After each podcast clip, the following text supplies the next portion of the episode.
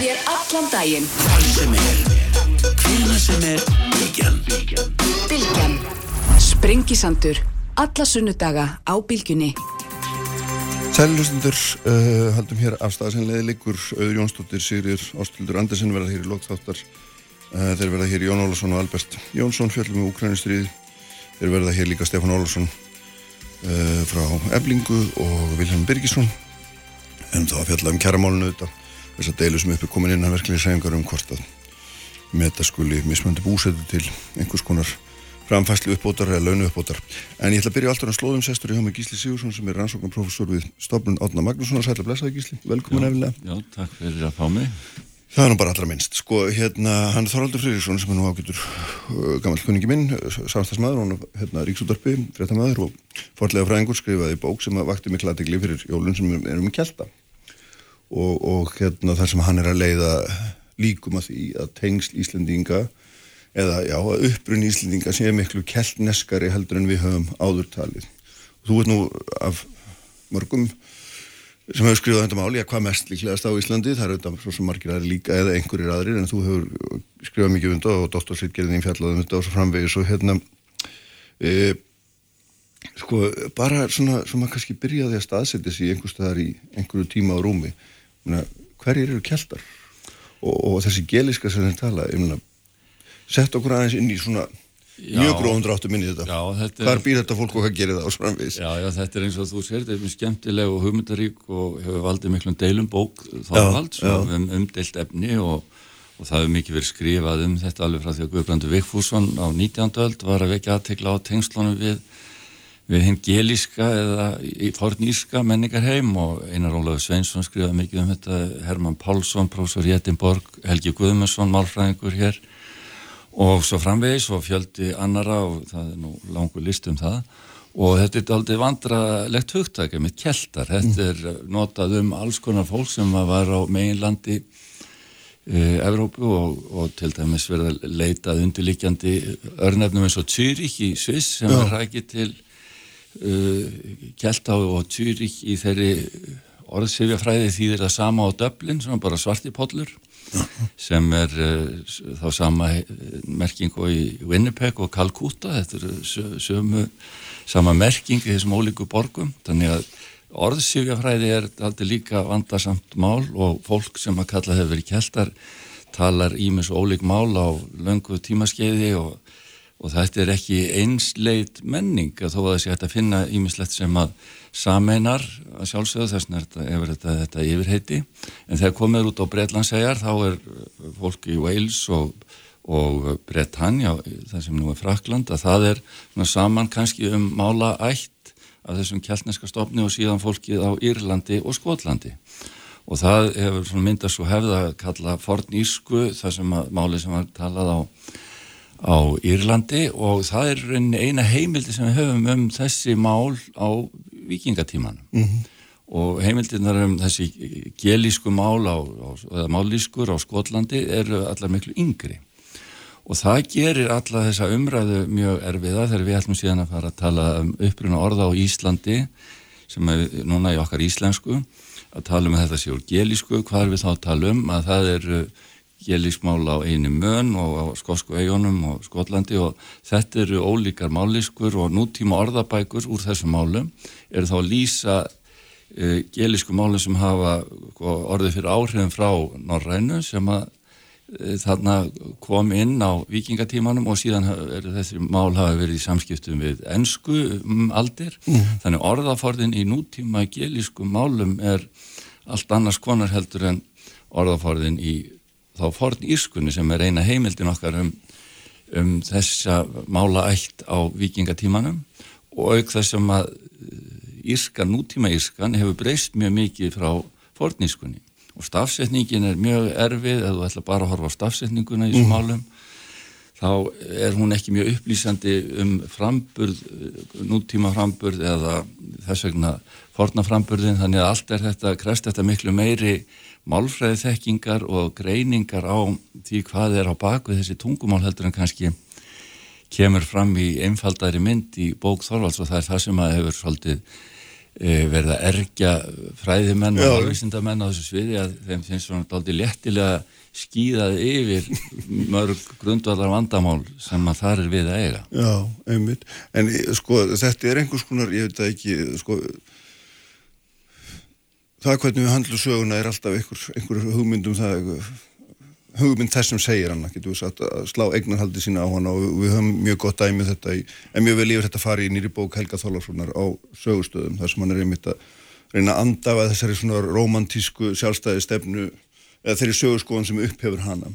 Og, og svo sögurskoðun byggir náttúrulega stórun hluta á því að við séum einhvers konar afkomendur norrætna konunga eða mistu úrst einhverja höfðingi ekki satt og þessi keltneska eða umræðum keltneska áfrif hún hún andæfir þessu líka ekki satt. Jú, einmitt, þetta er mjög góð punktur og uh, kannski kjarnin svolítið í þessu. Mm. Það, þetta er nýst um sögurskoðan og líka hvernig við, við þurfum höfum til heimildana. Og það er mjög erfitt þegar fólk er að tala saman um þetta eða er ekki sko, á sömu blaðsíðan þá hvernig hugsaum við um þessar rítheimildir frá miðaldum.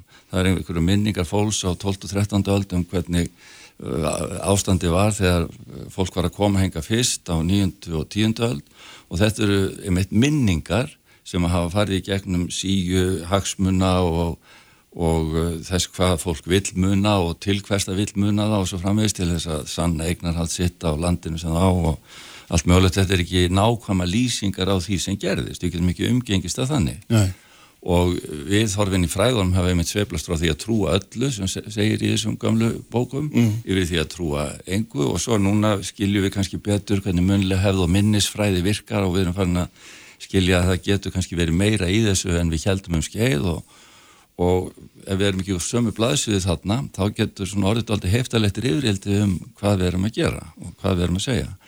Það sem var lögð áherslu á í þessari romantísku sögurskóðan sem þú ætti að tala um er einmitt að sem okkur finnst aldrei einkennlegt að fólk hafi yfirleitt geta sagt að við vorum bara komin á norrænum kallhauðingum, það var hérna hugmyndir, hvernig getur nokkur þjóð bara verið komin á höfðingum og bara á köllum? Þetta er svona skríti mótel og auðvitað eru konur og auðvitað eru fólk á ólíkum stigum og og fólk var alltaf rín í landnámu eftir upplýsingum um þetta og það er ekki fyrir Jón Steffens en læknir á 8. árat og 7. aldar segir þetta er ekki þetta að gera þetta svona það þarf að nota, ef við ætlum að nota landnámu yfirleitt, þá þarf að búa til eitthvað stjættamódel úr henni og segja, hér erum við upplýsingar um fólk á ólíkum stigum en það er náttúrulega mjög mikið ójapvæði þar að mest sagt frá köllunum leiðandi köllum og þeir eru sannarlega mikið til norrannir konurnar er ekki jafn mikið á norrænum uppruna og fólk á læri stegum ekki heldur.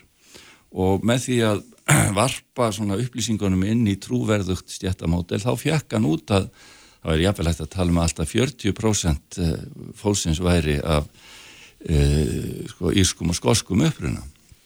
Og það er förðulega nálægt þessum nýju og það var ókyngreint að tala. Mm -hmm. Og svo er það förðu nálægt einmitt því sem núna hefur komið út í þessum nýju DNA rannsóknum sem að Agnar Helgason er er svona fórsprækkin í og oftast er vitna til að það sem að þetta eru hlutföll kannski svona cirka 20% kallar og 60% hvenna sem eru þá með gen mættið eru frá Breitlandsegjum og það sem rugglar þessa umræðu er kannski það við erum okkur hættisvaldið til í svona þegar við erum að setja upp einhverja sögu að láta eins og þetta byrji með svona skákborði. Þannig að mm. allir hérna á réttum stað og skákborðinu svo byrjum við að tefla. En menningar svona sagan er miklu meira eins og hérna fysserskákin það sem að er bara við erum byrjað allstaðar og það var aldrei þannig að það væri svona reynir norðmenn í Noregi, reynir samar í samalandi, reynir svona rússar í Rúslandi og svo framvegs þetta hefur alltaf verið blandað allstað og sérstaklega á vikingaöld með þessu miklu samgöngum sem þá eru, það er ein menningablanda í Skandinavíu og svo er önnum menningablanda á, á Breitlandsegjum mm.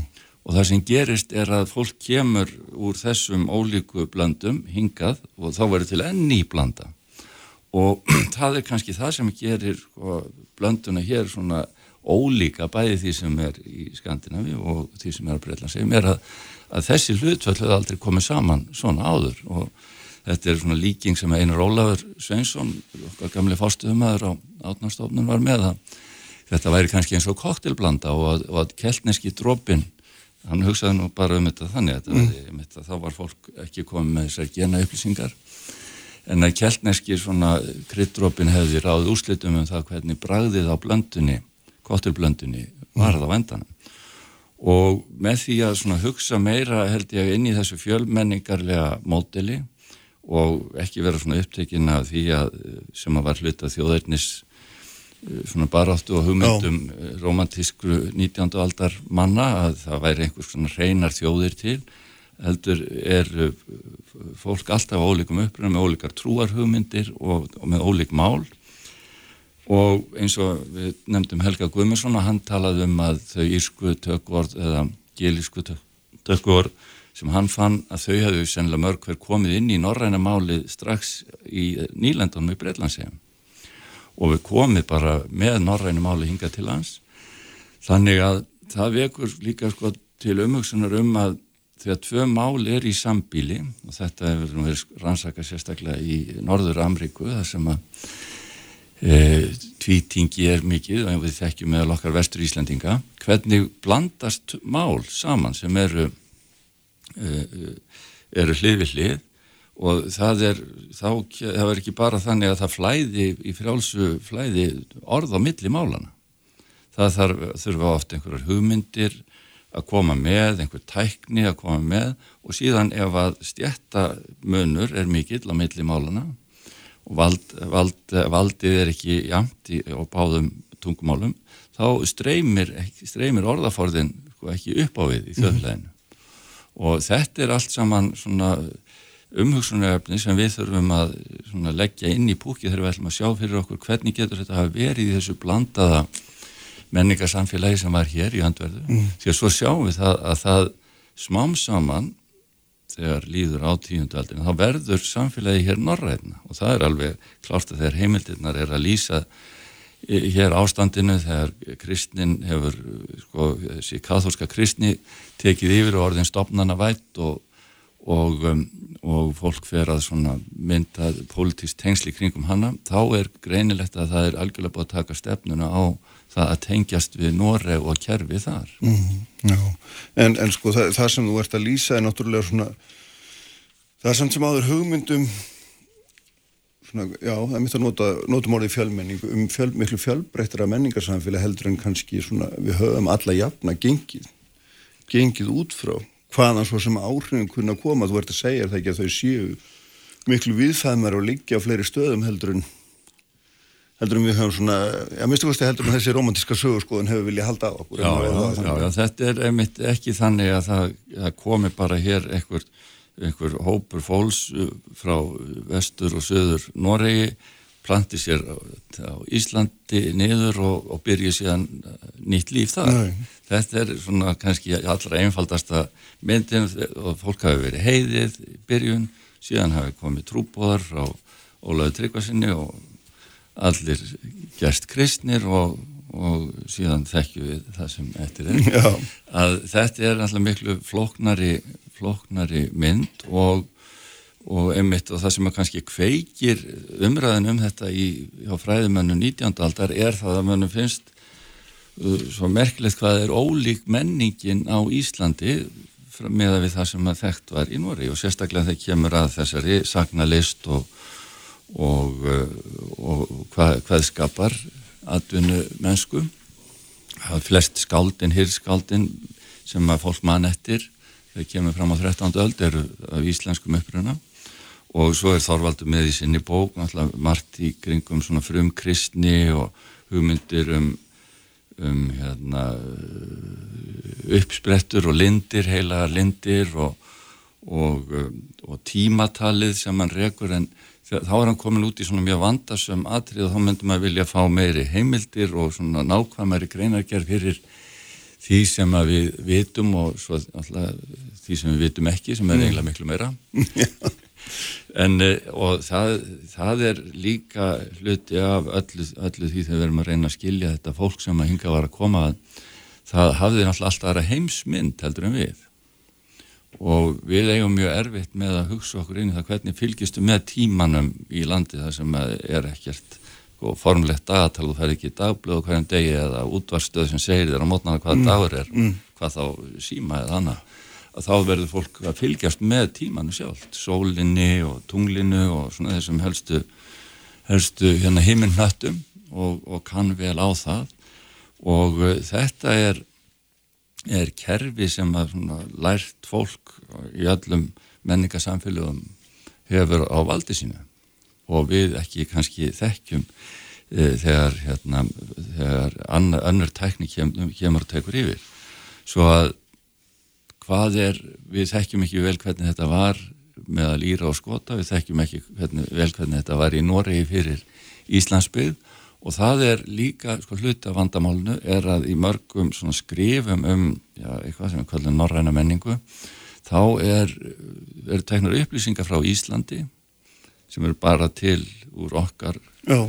heimildum og þeim varpað sko inn í eitthvað norrænt menningarsamfélag sem er þá eldri en Íslandsbyggð og það getur verið vandarsamt ef að við erum að tala um það, það mótel að hinga sig að koma fólk af mjög ólíkum upprun og ef við tölum bara þessar genatölur frá Agnari þá bætist við að það var fullt af fólki með norrænan gena uppruna sem var að koma úr þessum blönduðu menningabyggðum mm. á Írland og Skotlandi og Eijónum þegar það kom til Íslands þannig að það var Eh, orðið sko, hluti að þeirri menningu sem þar var oh. frekar en einhverju sem að eh, farfeður þeirra og mæður höfðu mm. allist upp við í innum djúbu fjörðum í Norri. Þannig að svona upprunu okkar er hérna, hann er ekki svona kliftur og skorinn, það er nú nokkuð, nokkuð ljóst en, en svo þetta er þetta hérna, hérna sko síðan líka mjög merkild að þú, að þú ert aðeins búin að nefna þess að sagnahefða, þessi munlega sagnahefð sem er þetta forveri innar skriflegu, hún auðvitað kemur, er það ekki úr þessum, ef að kalla, keltneska arfi, er það ekki frá er það ekki það fyrst og fremst sem að Já, þessi, þessi skáld koma eða, eða þessi hugmyndum að lifa því að vera skáld og lappum og, og fara með sögur og hvaði fyrir, fyrir Já, fólk. já, það er mitt þannig erum við komin inn á enn meira sprengjusvæði kannski líka, það er ekki bara orðaforðin, heldur líka þessar hugmyndir að, og ég hef talað fyrir því að einmitt þetta er svo margt sérstakt í þessari sko, dróttkvæðalist sem að við þekkjum úr konungasögum helst og íslendikasögum að, að mörg formengjenni þess hvaðskapar eiga sér ekki hliðstæði í öðrum hvaðum frá því sem við kallum germanskum málsvæðum en eru, eru þau engjenni sem eiga semst ekki þessar germansku hliðstæðir eru öll í forn ískum hvaðskap mm. og þetta er allt sem að lítur að, að rithma og innrými og, og struktúr hvaðskapar sem þú getur rauninni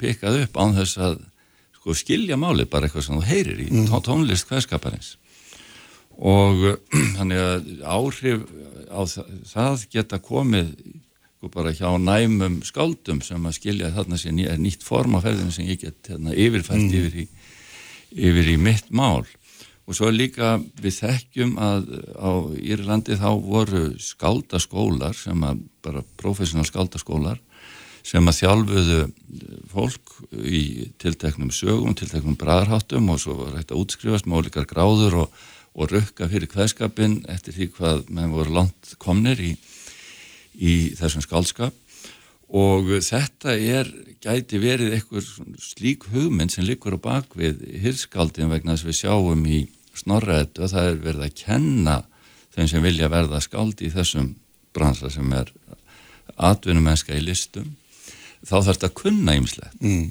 og þá þarf þetta að kunna þetta þarf þetta að kunna þennan goðfræðilega bakgrunn þetta að kunna þessa bragarhætti og þetta að kunna orðaforða sem er bara í skaldskap og svo framvegis. Og þetta er greinilega miklu meira heldur en bara einhver svona þjóðkvæði sem að öll, öll menningarsamfélag hafa og öll, öll menningarsamfélag hafa einhverja sagnalist, það segja mannkinnið segja sögur út um allt. Það er ekki neitt sem kemur bara frá hennum gelíska hluta heimsins heldur er það kannski þessi sko, þróaða atvinnumennska og, og um leiðut komum einhverja list á þetta háa uh, þjóðfélagsteg sem nýtur mikill virðingar og það er enþá ennú verið að kvarta í listheiminum hér að við séum svo mikil bóka þjóða mm. ríðtöfundarnir fái miklu meira heldur en allar aðra listgreinar og þetta er hluta til þessi mikla arleið sem hefur náðað skila sér í gegnum líka þessa endurvakningu romantíkurinnar þar sem að fornöldin er nótu til að magna upp einhverja tilfinningu fyrir þjóðleiri sjálfsmynd og svo framvegis að þá verða bókmyndirnar miklu stærri í þjóðlífinu, mm. menningarlífinu og listum heldur en með þjóða það sem er alls kynns önnu listform sem hafa notið virðingar um aldir og, og þarna er einmitt einhver sko vettvangu fyrir eins og þú segir munlega list að, og eitthvað sem getur hæglega borist og fólk hafi engar verallegar eigur með sér. Þetta er allt bara í kollinum á þeim sem hinga að koma. Og uh, með að við þetta er mitt hvað konurnar eru fjölmennari af þessum uppruna að þá var það til dæmis uh, hugmynd sem kom fram í hjá Brynhildi í, leikritinu Brák upp í mm. Borganesi að þegar hún var að skemta sér með þá hugmynd að Þorgjörður Brák sem ól upp okkar helsta skáld Egil Skallagrimsson í, í sögunni og þá erum við líka að fugsa það þetta er minning sem að fólk setur saman og Þorgjörður var náttúrulega á 13. öld í skambótt ekki svo þetta? Já, eða, það er ekki alveg svo nákvæmur upplýstur en og það er líka eitt vandamál, hvað vitum við um þræla? Já, já. Hvað, það eru einhverja minningar um, jú að þeir eru svona svona en, en það er engar ættartölur og upprunni á, á þeim að jafna því í stöku sinnum kemur það fyrir en það sem við vitum er að það var eh, sko, veldið í diblinni sem er, er eh, svona miðstöð eh, þessara norrænu vikinga sem svo eru kallaðir á Breitlandsegjum, ef við tölum ekki um jarlina í, jarlana í orknegum og svona, heldur er sko, þræla markaðurinn í diblinni er svona aðal miðstöðin og silfrið, vikinga silfrið flæðir út í byggðirnar í kring. Þannig að munstri verðist ekki vera eins og aftur þessi romantíska svona sín var að það veri norræni vikingar kæmu og, og neftu fólk í þrældóm og drífu það til söglegumstur annars þar heldur er þetta verðist að vera sama mótel og bara í Afríku síðar að, að þrælakvæpmennir gera samninga við innfætta og þeir, þeir hérna, skaffa þrælan og fá greitt vel fyrir og, og síðan er handla með þetta fólk ekki bara til Íslands, þetta leipur mikil gróska í þennan markað verðist vera í kringum sko, það að Ísland er að byggjast mm. í lók nýjundaldar og uh, svo kemur verður hlý á nýjum innrásum en það heldur áfram þræla markaðurinn blómstra svolítið áfram. Og þetta hefur mjög oft verið tengt við einmitt það þarf að byggjast nýtt land með vinnufrekt en hér hafa sjálfsagt verið þræla líka öðrum uppruna að austan og, og þessi, þessi, þessi þræla markaður verið líka hafa sko, selt fólk til miðjararhafs og, og svo framvegist þannig að þetta er ekki allt bara sem stefnir hingað og við verðum oft að svona aðeins að býti tungun á okkur minnast þess að þó eitthvað standi í fortsögum þá er það ekki eitthvað sem við vitum að er nákvæmlega gerst þannig heldur þurfum við að byggja mótilið upp með upplýsingum úr ólíkum áttum og, og eins og þetta með fordlefarnar að, að menn er alltaf að tala um það að við meðum ekki vera á bundin af landnámu að það eru eldri fordminjar en en uh, þetta eiginlega landnám sem verður uh, á síðari hluta nýjunda aldar þetta landi byggist svona skindilega að þá er fólk greinlega búið að vera koma hingað og stunda einhverja starfsemi, veiðar kannski og, og landkönnun eins og, mm. eins og hérna, síðar verður á Grænlandi og Norður Amríku og uh, áður en kemur hérna allt þetta fólk. Og, og uh, svo þegar við lesum landnáma aftur með það fordlega mótel í huganum þá sjáum við að landnáma mann alltaf líka eftir því að það er að koma hérna fólk að skoða landið og vera í smá stund og fara aftur og, og svo framvegis. En að sjálfsög er það ekki neitt yfirlitsrið sem geymir allt sem gerðist, það er ekki þannig sem þetta er. En það er svona kannski hérna nýðustafan að þessu tiltölulega stuttarspjalli um þetta mikla efni er, er að hérna að þessi umræða, eða hvað maður segja þessi, að, sko, að upprunu okkar er miklu fjölsgrúðari heldur en heldur en maður kannski svona við leikmennir svona kannski já, höfum í hafð okkar. Já, ég held, en svo mögum ekki glemja þetta mjög verið mjög vinsæl hugmynd meðal fólks að það væri mikið í sko, skosk áhrif hér held ég, fólk hefur verið að benda á það að fyrir til diblinnar í, í ferðalag og sér að það er frændi og frænga er á hverju göttuhotni þar og þannig að fólk hefur séð þetta mjög lengi en ja, við verðum að sko, fara svolítið varlega þegar við verðum að fullir um orðaforðan mm. að þetta er mjög flókin vísindi svona orðsífjafræði það er eh, verður að nálgast það að mikill varkárni og rekja orðin sem við sjáum í einhverjum nútíma gelískum orðabókum rekja þau aftur í einhverjar eldri heimildir, hvernig eru þau tilkomin og svo líka uh, sko, setja þetta inn í eitthvað mótil um það sem tvítingi er þekkt, hvernig berast orð á millimála, mm. nærtækt dæmi er hvernig ennskan kom strax með eh, hernum hér í, í setnastriði en miklu meiri tregða fyrir pólstöku orð að koma inn í málið núna þó að þessi fjöldamarki pólverar hér, að þetta veldur á skiptir máli hvaða hópur setur orðið inn er það ekki eitthvað? Já, já. enskan breytist eftir, í kjálfar innrásarinnar frá Normandi þegar yfirstjættin talaði dönsku er ekki máli líka það saman? Já, yfirstjættin hér og, og svo framvegst og danska yfirstjættin talaði frönskum já, já. Þannig að þetta er að, gott, orð er ekki og sérstaklega þegar málun eru svona ólík þá er, þá er líka geta tökvorðin komið með ymsu, ymsum hætti Já. á milli Heyri, Þetta er alltaf fárvægnilegasta mál hérna. síðastu orðið sannlega ekki verið sagt. Sannlega ekki. Hvorki íslensku nýja öðrum málum. En takk innilega frá komagísli og hérna fræða okkur þetta. Stefán Ólarsson og Vilhelm Birgisson eru hér eftir augnablík og öður Jónsdóttir og Sigriður Andersen verða hér og Jón Ólarsson og Albert Jónsson líka. Uppspretta frétta á Sprengisandi á bylginni Heimkaup. Kraftmikil umræða alla sunnudasmórna Sprengisandur á bylginni Sæli aftur í stundur uh, Gísli Sigursson fann frá mér hér eftir að við volum að ræða hér svona alltaf boltum uppruna íslendinga sem er nú alltaf mjög forvittnilegt efni og þarna þær kenningar sem var svona nýjastur er um það í í fræðunum og þess að, að leggja svona þessu romantísku sögurskóin sastæðistefnur og hvernig svona hún stendst tímans tönn í ljósinýra rannsóknar meðan þessum áhrifum annar þjóðakelta og fleiri hér uh, Öður Jónsdóttir og uh, Sigurinn Andersen verða hér í lok þáttar. Uh, þeir verða hérna líka Albert Jónsson Jón Ólarsson, hérna einhvern tíun meðluleitið Stefan Ólarsson er hérna hjá með starfsmaður eflingar prófessor auðvitað við Háskóla Íslands og Vilhelm Birgisson er einhver staðar út í kosmosinu á línunni á hann að vera eftir augnablík hérna við skulum bara byrja rétt aðeins Stefan hérna Uh, ég var nú gandast með það við þaðan að þú, hérna, flesti prósur að þeir fara nú svona í rólustöld þegar það hætta en þú kastar þér út í hérna mikla baráttu og ert núna svona orðindaldi talsmaður hérna mjög umdeldrar hugmyndar sem er þessi að að við þurfum að meta laun eftir búsettu, þurfum við, við þurfum að borga fólki herri laun í þjættbílinu heldur en í dreifbílinu.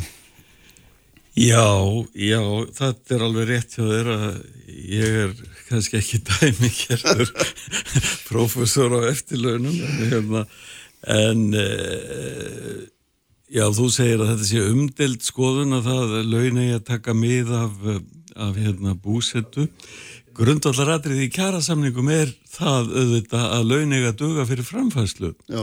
og ef framfæslu kostnaður er mismunandi eftir búsettu eins og er svo augljóslega á Íslandi í dag hvað snertir húsnæðiskostnaðin mm -hmm.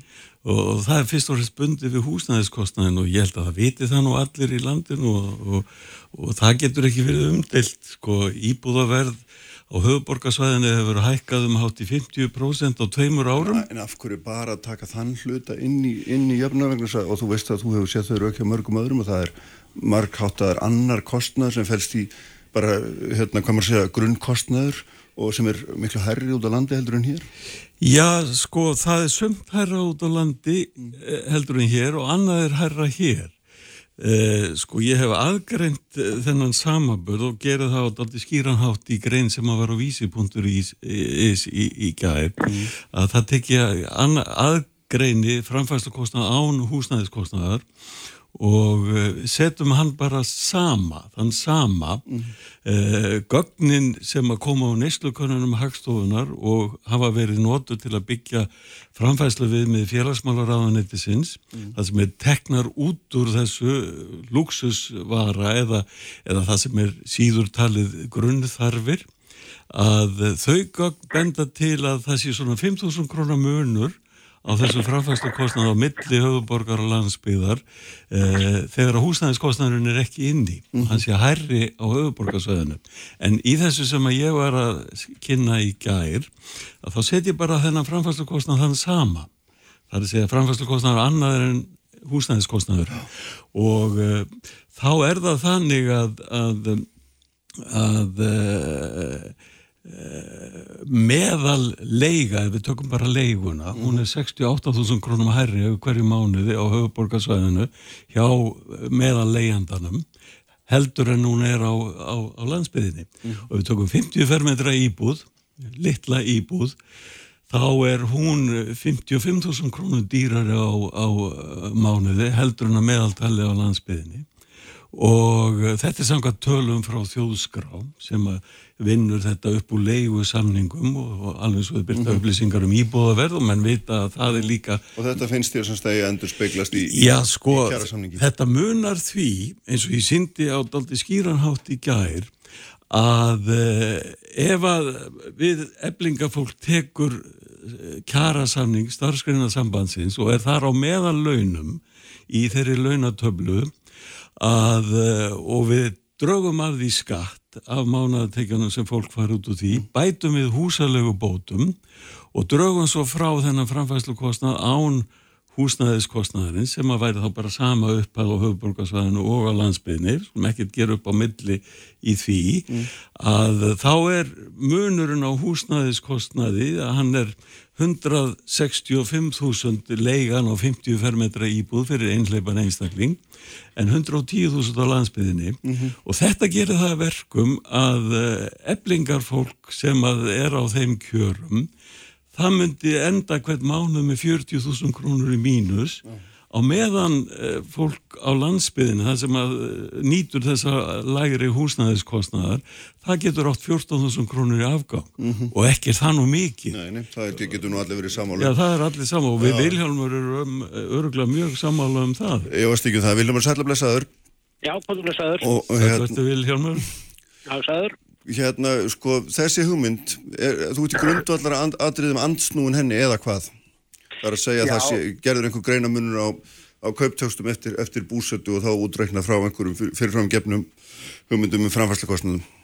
Já, ég er á móti því að draga slönafólki dilka eftir eh, búsötu. Þetta hefur nú svona verið viðtekinn venni að taka bara, við búum í einu landi en ef að á að gera þetta með þessum hætti. Ég ætla svo sem alveg að taka undir með uh, Stefáni því að það likur fyrir að núna sérstaklega á síðustu árum hefur húsnæðarskostnur á höfuborgarsvæðinu verið í við herri heldur en út á landsbyðinni.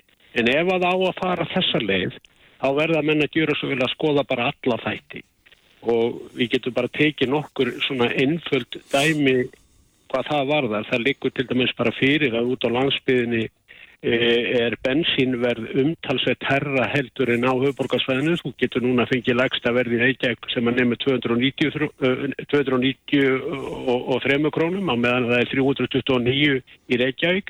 Þetta getur munið 2000 krónum bara á einum e, bensíntanki. Það líkur fyrir að byggðastofnun hefur verið að skoða raforkuverð og, og húsítunarkostnað í dreifbíli og þéttbíli Það er, það er 32% af munur, það likur til dæmis fyrir að sem búa vestfjörðum er að greiða 100.000 krónum herra í, í raforku og húsuturarkostnað heldur en á höfborgarsvæðinu.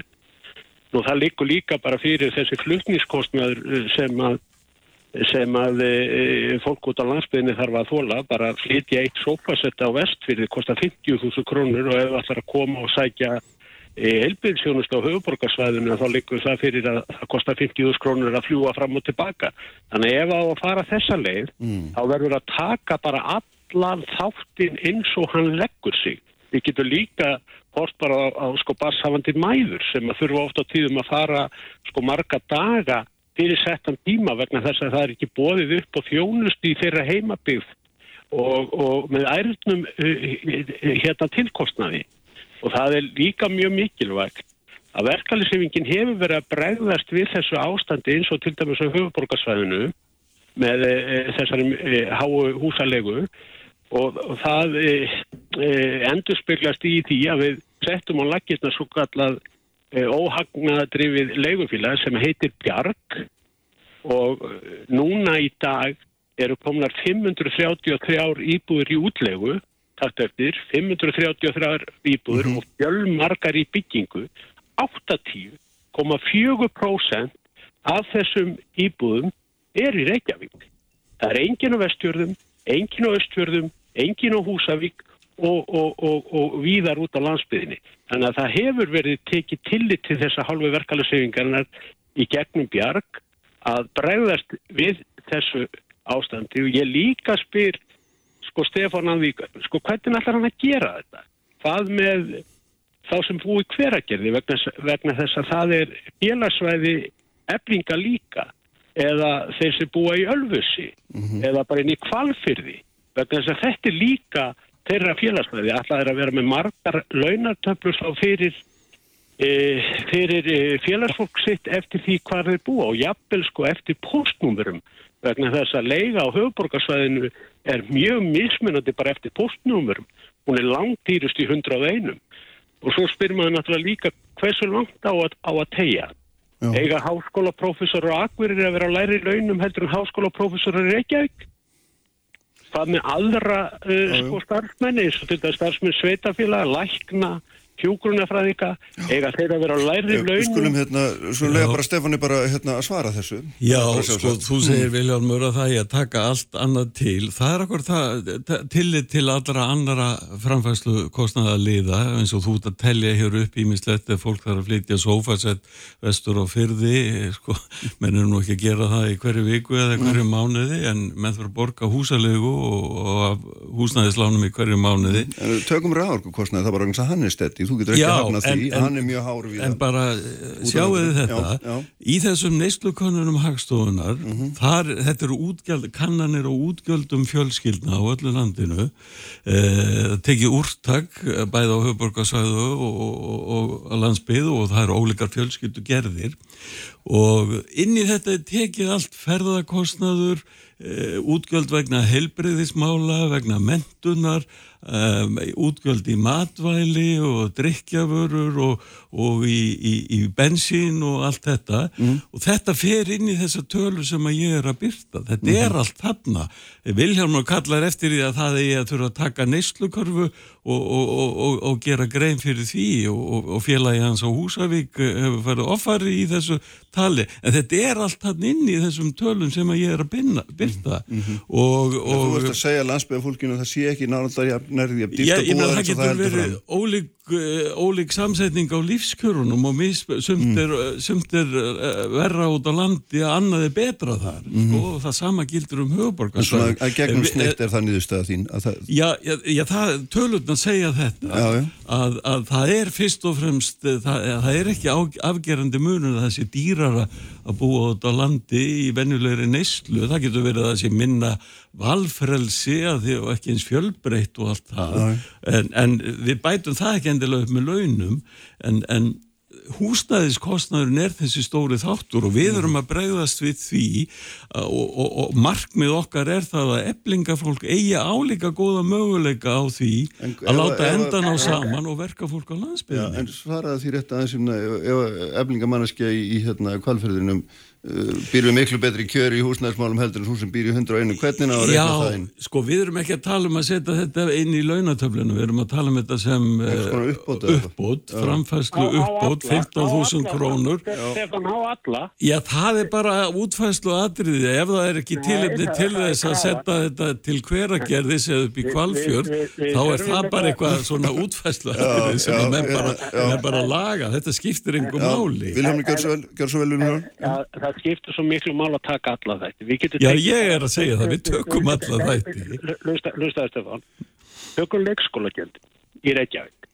Þau eru 31.000 krónur á meðan það er mjög víða á landsbyðinni þetta í kringum 40-50.000 krónur. Uh, frístundastyrkir handa fjölskyldum er 75.000 krónur í Reykjavík á meðan á sömu stöðum er ekki eins og bóðu upp á slíkan styrk. Þannig að tökum... Ég veit alveg að það eru alls konar svona dæmi, en, en neyslu kannanirnar, Þetta er í hverjum er einasta mánuði. Þetta er í hverjum einasta mánuði. Já, já, það- Mér finnst þú heldur ekki svara því hvað með kennara sem búa til dæmis út á landsbyðinu og er að kenna þar, eiga þeir að vera lakar í launum heldur í kennarar í Reykjavík og allar aðrar starfstjéttir. Já, má ég svara því? Já. Sko, við erum að tala um lálunafólk og þetta snertir lálunafólk fyrst og fremst. Ég er ekki að tala um að háskólaprófessorar á Akureyri og í Reykjavík eigi að vera á ólíkum launum. Ég er ekki að tala um að svona venjulegt milliséttafólk eigi að, að fá ólíkar uh, taksta. Uh, við þurfum að horfa líka á það að það eru yfirborganir á íslensku vinnumarkað og þær eru algengari í milli og herri hópunum.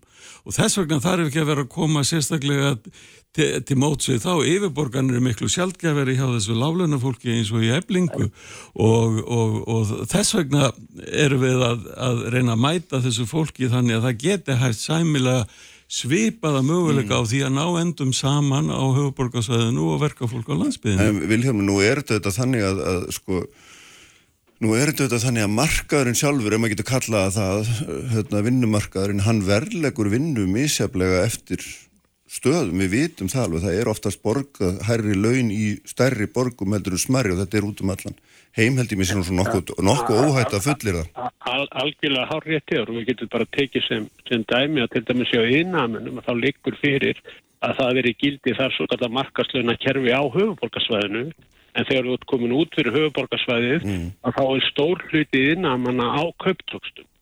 Það er bara vegna þess að það er meiri eftirspurn eftir vinnuafli á, á höfuborgarsvæðinu heldur nút á landsbyðinni Þetta vita allir, þetta veit hérna innamanna samfélagið að, að þeir sem eru út á landsbyðinni, þeir eru yfirleitt að taka laun eftir kauptókstum en það er markaslunarkerfið sem, sem, sem að gildir. Ég gerir engar aðvöðskundi við það að, að ebling allir sér að sækja herri kjarabætur, ég með finnst það bara hið, hið besta mál en það verður þá að vera gert á þeim grunni því að þetta er algjörlega nýtt að það eiga bara e, miða við einhvern framfæslu kostnað þá þarf að fara miklu, miklu meiri umræð og, og dýbri greining á þessum framfæslu kostnaði út um allt ef það ætti að fara að gera þetta með þessum hætt. Má ég taka aðeins annan flut á þessa umræðu? Þið hafi hamrað á því og samtök atvinnulífsins verið alveg samljóða í því að það verði ekki samið um meira við eblingum og uh, eins og það sé eitthvað banna, bannorð á vinnumarkaði að einhverjur hópar fari fram úr öðrum það hefur nú aldrei verið þannig. Og býtileg með bara að klára, Já, að klára uh, sko það var verið að segja frá því í síðustu viku og það var gerðu kjara samningu við verkfræðinga.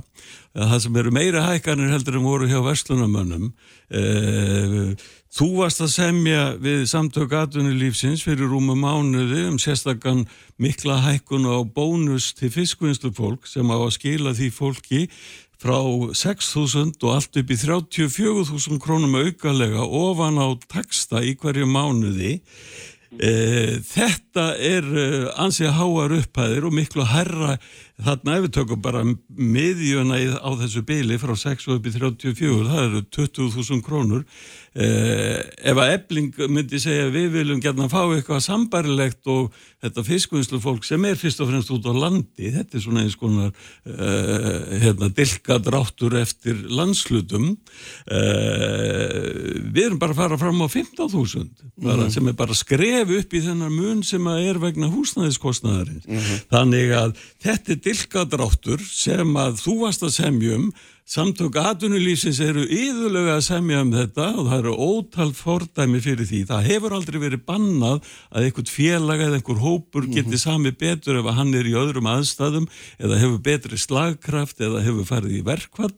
E, þetta hefur bara verið þannig. Það er alltaf inn að fara að tala eins og það sé einhvern hérna, e, heilagt samkómulag sem hafi verið gert á milli ykkar í starfsgrunnarsambandinu og samtaka aðunulífsins um það að ebling með ekkert fánit eitt öðruvísi kjærasamning sem tekur miða aðstæðan að vilja aðeins þetta. Sko, í fyrsta leið Stefán, að verði að minna það að þú ert fræðum að Nei, ekki minna mig á það. Jú, þetta er mér að klára. Já, nú einu og billegt Og þú ert að kenna við Háskóla Íslands. Þannig að ég er bara byggðið um að vera ekki með svona dilgjur og ósaniti vegna þess að hvar hefur það komið fram að starfsgreinarsambatið hefur sagt að, að ebling megi ekki semjum meira heldur við uh, sömdum um. Haldur hefur- Benjamin segir þetta og hann Já, segist ekki alltaf þú- þeim trúnaði. Þú ert, þú ert að segja Haldur Benjamin sagði það. Já. Hvar, hefur- hvar höfum við sagt það? Já, ég skal ekki segja að þið hefði sagt það, nei, nei, ég. Nei, nei, og gott En hann er að segja þetta og hann er að ítrekka það aftur og aftur og hann mun ekki, hann mun ekki bregðast þessum trúnaði við ykkur. Já, leifum við þurfum að svara alminlega. Það er mjög mikilvægt Já, að sannleikurinn sé sagður. og, og ég ætla, að taka annað í sambandi við bónusinn. Þetta er náttúrulega alveg sko rakalus þvæla í þér, einfallega vegna þess að innan raða eblingar er næst stæðstar sjávarútus fyrirtæki á Íslandi og það er Brim og þar starfa uh, sennilega í kringu 200-300 fiskvislu konur sem að munu fá þennan hérna bónus sem að þarna var um samið uh, og af hverju sömdu við um þennan bónus það var fyrst og fremst til að mæta góðri stöðu uh, fyrirtækja í sjávarótögi og líka vegna þess að bónus í fiskvislu hafi dreigist aftur. Allir félagsmenn eblingar allt fiskuslufólk, sama hvort það er niður í Norðugarði eða í Þollásöfn eða, eða hvar sem er á höfuborgarsvæðinu mun fá þennan bónus. Það eru, Vilhjálmur, það eru... Leimir að klára með nákvæmlega sama hætti og allt annað fiskuslufólk vitt og breytt um landið. Og ég segi það alveg stöður að þessar konur sem að þarna eru er að fá upp undir 70.000 króna launahækun. 70.000 Já, það er það sem ég er að segja. upp undir það, samt hafið þið talað um það og þú hefur tekið þátt í því að láta í veðri vaka að þessi kjærasamningu sem gerðu var handa verkafólki í íslensku vinnumarkaði sé svo smánalegur og til skammar og það er eins og starfskunnarsamband Íslands hafi framið eitthvað landráð gagvart sko félagsfólki eblingar þetta er kjærasamningur eins og ég hef sagt kjærasamningur sem að er að skila íslensku láttekjufólki bara umtalsverða hækkanir sem að gilda frá því að kjærasamningurinn e, sá, sá gamli rann út og taktu eftir, ef að við varum í sömu spórum að þið, værum ekki búin að semja og værum að missa jafnvel afturvirknina, þá væri það 3,6 miljardar sem okkar fólk væri að verða af.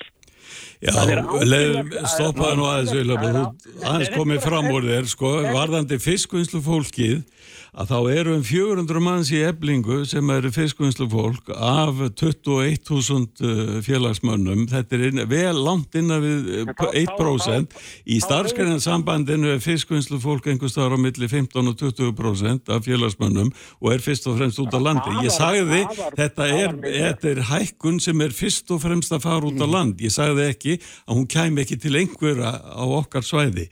En, en eh, varðandi, En er ekki grunnurinn í þessu bara, sem að bara kjarni þetta, Stefán, og það, og það er það sem þú hefur líka sagt ofnbærlega, að þér finnst bara samningu vera. Já, ég... ég- Það bara það sem þú ert að segja. já, ég, ég hef sagt það frá byrjun. Ég, ég sagði það eftir að samningurinn lág fyrir, þá Mm. fjallaði ég um hann í grein og, og ég, ég fengdi það að þessi samningur var, stæði undir þeirri lýsingu sem að var Það er gefin. að hann held ekki við verðbólgu. Það er raun og Já, það ég sagði það líka og ég sagði líka að hann, hann er ekki, hann rýs ekki undir því að vera framhald af lífskjara samningnum. Þar var samið um sömu krónutöluhækum við alla. Í þessum samningi fá þeir sem eru á legstu laununum fyrir, þeir fá 35.000 krónar hækun.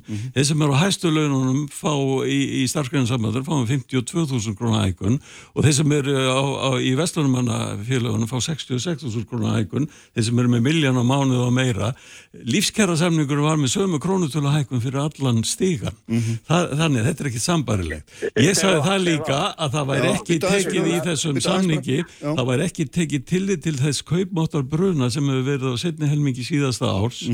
Og vonin var svo að þessi hækkun og hún geti haldið kaupmættinum út þetta ár sem að núna er fram í janúar að næsta ári. Og ég hef sagt að ef menn horfa á þessi tvö ár saman þá eru frekar litla líkur á því að það náist að halda kaupmætti. Það eru meiri líkur á því fyrir þá sem eru á tökstum hjá Vilhjálmi að þeir gætu hugsanlega haldið kaupmætti en lífskjara samningurinn færði verkafólki 4,2% kaupmáttaraukningu á hverju ári í þrjú og halvt ári. Já, Viljáms, já, já. Ég, ég veistu það, ég, sko, ég minnið aftur á, þú ert fræðumar og þú ert prófessor, farðu rétt með í grundvallaratriði þetta. Hvað er rámt í þessu? Ég, ég kann bara taka einfalt að mig hvað er ránt. Það er í fyrsta lagi að kjara samningu starfskannarsambans Íslands, kauptarstafnir, hækka um 11,28... Já, ég veit það. Já, leið mér að klára. 11,28%. Við erum að semja fram í tíman. Við erum að semja út frá þeirri verðbólgu spá sem að Sælabankin hefur gefið út og aðri greiningar aðilar. Og hver er? Verðbólgu spáin hjá Sælabankanum er 5%. Nei, þeir segja að verðbólgu, þeir eru að vona að verðbólgan verður komin nýri 5% í janúar á næsta ári. Spáin fyrir þetta ári miklu herri. Já, 6% er 6% er tætt eftir. Það þýðir það að kaupmáttar aukning ef að þessi uh, verðbólguspá gengur eftir er á milli 5 og 6%. Samt kemur hér sér fræðimaður og prófessor og talar um það að þetta sé kaupmáttar skerðing. Þóttu vitir betur. Já, þú þarf að taka inn í þessa mynd þá, þá rýrnun á kaupmætti sem að er á setni helmingi síðasta árs um 4% og draga það frá þessum 11%. Þú, ætlar ekki að skilja hana eftir óbætta. Já, já, já. Stefán, ef að taka, frá 1. janúar 2022 Já, þú ert ekki að taka síðustu hækkanir og lífskjærasamningnum inn í þinn samning. Þú mátt bara ekki velja þig bara e einhver tímabil. Ég er bara að segja þér eins og þessi kjærasamningur sem að við vorum að gera með það verðbólguspá sem við gerðum þá er kaupmáttar aukning ef að þessi verðbólguspá gengur eftir á milli 5 og 6%. Ætlar að við fengja það. Já, ég hef fengið það, en þú getur fengið þá útkomið að þú horfið fram hjá þeirri 4% kjara rýrnun, kaupmáttar rýrnun sem var á setni helmingi síðasta árs. En, en, en, Það er búið. Við erum, við erum að semja fram í tíman. Já, að það er búið að taka kaupmáttin niður og svo semur upp aftur. Þetta er einum og billeg, hérna, sko- billeg útfæsla. Þetta er Sko. bara staðarind. Já, Viljámur, hérna, sko, við náttúrulega, en nú ekki að reykja þessa uh, sögu ásins 2022 í deilum innan verkefnisreiningarinn. Mér sýnist nú að hérna, þetta byrji nú ekki, ekki mikið betur. Þannig að við kenna það, ha? Ég, ég- ætla alveg að viðkjanna það og ég skal alveg fúslega viðkjanna og það er mjög mikilvægt að hlustundur átti sig á því að ebling tók þá pólitísku ákvörðun um að skila ekki samningsumbúðinni til starfsgrunarsambansins. Ég laði hart að Solveig önnu um það hvort að hún vildi ekki vera með okkur þannig að við erum sterkari. Nei, þau skiluðu ekki samningsumbúðinu til okkar. Það voru 17 aðildafélög sem síðan skiluðu þau inn og við fórum í þá vinnu. Síðan kemur í ljós núna að þegar að við göngum frá kjærasamningi að þá kom upp rattir um það að við í raun og veru hö- höfum ekki haft heimil til þess nema að fá leifi frá eblingu áður en við myndum ganga frá kjærasamningu. Þetta er nokkað bull bara vilja. Þetta er, ekki, þetta er ekkit bull. Þetta, þetta er bara, þetta er bara bláköld staðrind og þú segir nú bara í gæri skrifum minnir mig á það að ebling sé nú að greiða sko 40 miljónir inn til, til starfskanarsambansins. Ég hef nú alltaf verið á móti því að fjármagni stjórni e, e, hérna ferðinni. Þú ert svona í að því og, og ekki bara þú, ég heyri þetta víða um að við höfum þurft að fá leifi frá, frá eblingu. Akkur kom bara ekki ebling með okkur? Veistu það, Vilhelmur, það var góð ástæða fyrir því að Mm. Ebling kaus að framselja ekki samningsumbúðu til starfsgrænarsambandsins og það var reynslan frá lífskjærasamningnum. Eh, það var augljóst þar að það var miklu minni eh, slagkraftur í starfsgrænarsambandsinu, miklu minni þrýstingur við óttuðumst að starfsgrænarsambanди myndi eh, of auðveldlega gera of ódýran eh, kjærasamning sem hefur nú komið í ljós. Já. Þess vegna ákvaðum við að fara einn sér og, og hérna Og nú stefnið, þið eruð búin að stefna sjálfum ykkur út í hot, þið eru að fara í verkvall, það er Já ekkert sko, annað spil, það er við ekkert annað í vildum spilun. þá viðræði við atvinnureikundur strax og það voru síndarfundir við okkur, þeir voru augljóslega ákveðinir í því frá byrjun að semja fyrst við þá auðveldu og, og, og, og, og, og, og síðan að taka á okkur í lokin stilla okkur upp í vegg stilla okkur upp í vegg og, í öngstræti. Og þar erum við núna og þá kemur Vilhjálmur fram og hótar því við eblinga fólk að það muni tapa þremur miljörðum á því að berjast fyrir sínum kjörum rétt eins og hann haldi að það verði samið um bara starfskreina sambandssamningin Rétt að segja eitthvað um þetta, já, já, já, já, svara þessu, einn greinum. Þú vart nú að styrta þessum prófessor hérna titliðinu bara í rustflokk. Já, ég meina, þú, þú er hrifin af prófessorum Viljámur, en, en, en ég get alveg staði við alla staðrindir sem ég læt frá mér. Já, hvar, hvar hef ég verið að hóta e- einhverju þremur miljörðu? Ég er bara að benda Þú varst að því síð, bara í síðustu viku. Ég var bara að segja, segja hvað, e, hvað dráttur myndi kosta og tætt eftir. Hvað gerðist í starfskunar? E, Heldur að vera ekki samið um hann? Já. býtu, hlustaðu. Þú varst nú inni í karpúsinu þá. Hvað gerðist í lífstjærasamningunum? Það tók okkur langan tíma að ganga frá lífstjærasamningum. Það tók okkur þrjá mánuði. Fengum við afturvirkni? Rifjaðu upp, Stefán. Já, ég veit allt um það. Já, Ég veit við, hérna, um við verðum að fara að bara við verðum að fara, ég verð að fara, ég verð að fara að ljúka þessu, hérna, já, já. En, en bara að því að þú nefndir já, þessar já. 40 Ég miljónir verð að sem fara að ljúka, já.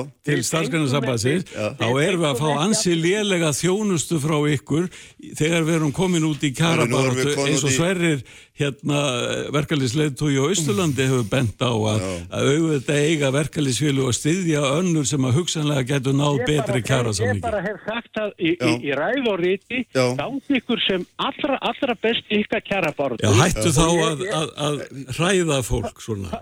Veitu hvað hef ég verið að hræða? Þú varst að í síðustu viku að fólk væri að fara að tapa þremur Nú, herði, miljónum. nú, ekki, nú, nú skulum við ekki, hérna, ég kemst ekki lengra með ykkur í bili, því miður, ég hérna þarf að taka einnara og hérna, besti þakkir eru með okkur Vilhelm, ég heyra að það er hérna, það er grundaði er og góða og Já, það er svona meðan eldarnir loga en svo sloknar Já, þeir. já, já, herðu, bestamál, hérna, takk fyrir að koma báðið tveir. Takk sem Jón leiðis. Ólarsson og Albert Jónsson verið hérna, þá tölum við um hérna, Úkrænustríð. Kraftmikil umræða alla sunnudasmórna. Sprengisandur á bylgjunni. Sandur á bylgjunni